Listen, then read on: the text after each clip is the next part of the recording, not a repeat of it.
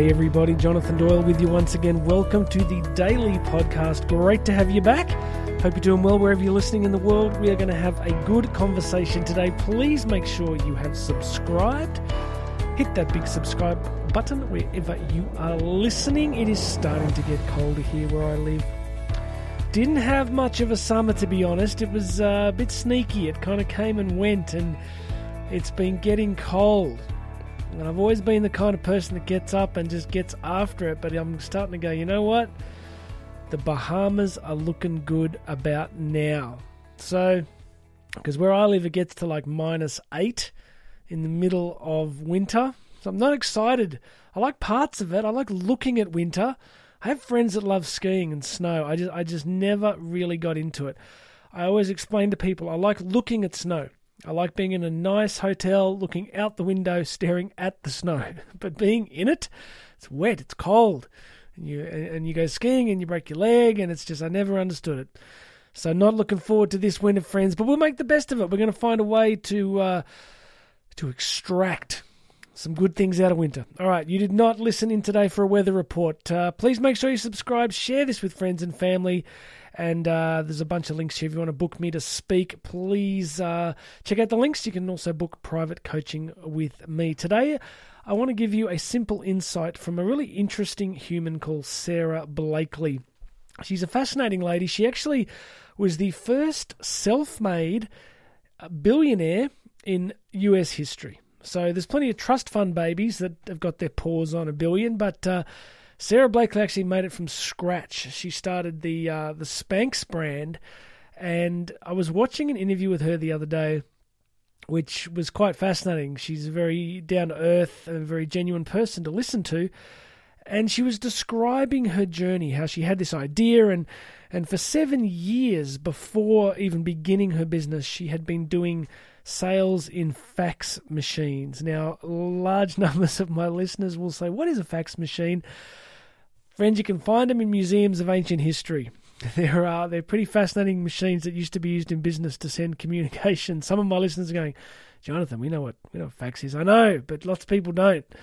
So seven years as a fax machine salesperson, and she was describing kind of how soul destroying it had become. And then she used this phrase that really struck with me. She said, I suddenly realized I'm in the wrong movie. It was a very interesting filter, a great metaphor. She felt that uh, she was living a life that was not what she had envisaged or what she had wanted.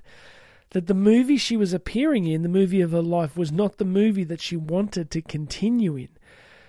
Yeah, a couple of episodes ago, I was talking about these remarkable human faculties we have, these this this ability we have for desire.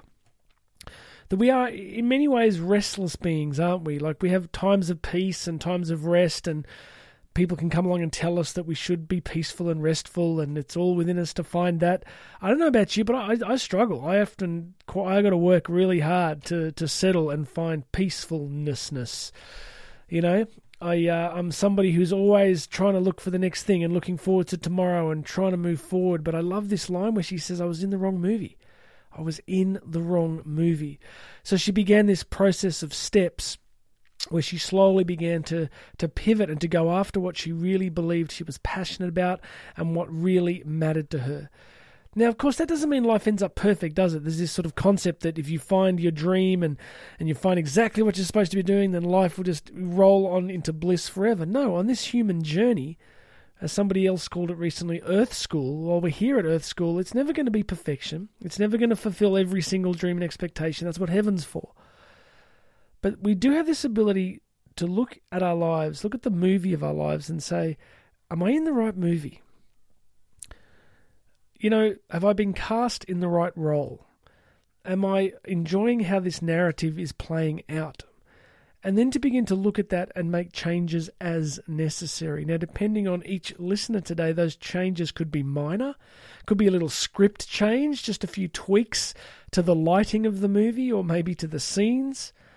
But for some of us, it could be walking out of that movie and making radical change in our lives career change, you know, significant uh, changes in our friendships and our health and well being. I'm not advocating anybody you know, going, I listen to this podcast and I'm going to change everything in my life, you know, but you get my point that you can look into it and say, what needs to change? What what has been on your heart to make different? What is something that you go, you know what? This part of the movie is a part that needs to change. And as I've been saying in recent episodes, what we do is we begin to identify what needs to change. We start taking slow steps towards it. So, friends, if Sara Blakely can recognize she's in the wrong movie and go on to create a remarkable level of success, then I'm pretty sure most of us can do something similar. It doesn't mean that you're going to start a billion dollar clothing label, but it just might mean that you take up a new habit or a new pastime or a new career or you stop putting off that change that you know you need to make. So let's get ourselves in the right movies. Let's get ourselves in movies congruent with the gifts and talents that God's given us. Some of us have these amazing abilities, but we're in the wrong place. You know, some of us are in places where we're just not able to use the gifts and talents that we've got. So we need to get out of that movie and get in, get casted where we need to be casted. Okay, so we're going to use this metaphor. We're going to use this filter to help us make new choices. All right, friends. I hope that's useful. I hope that's got you thinking. What movie are you in? Is it the right movie? Is it the kind of movie you like? Is it the one that you'd pay to see? You know, if somebody had to watch the movie of your life at some point, would they find the movie interesting, compelling, exciting, motivational? Or would it be a tragedy? Was it action adventure? Is it tragedy? I hope it's not comedy, but you get the point. We do get to choose what sort of movie and tapestry and history we create with our lives. And I want to be honest and say, look, this isn't about self indulgence because the movies of our lives are intertwined with the movies of other people's lives. Of course they are. You know, I've got, I've, I've, I've, I'm married, I have children, so I'm not talking about going, oh, I don't like this movie anymore. I'm going to go start a new one. That's not what I mean. I mean, it's, it's about looking at our individual skills, looking at our individual capacities and the things that light us up and move us forward, and just asking ourselves, are we in environments, careers, and relationships that allow us to bring out all of that capacity and goodness and beauty that's inside us? All right, my friends, please make sure you've subscribed. Go check out those links. You can book time with me for coaching, it is all there. My name is Jonathan Doyle. This has been the Daily Podcast, and I'm going to talk with you again tomorrow.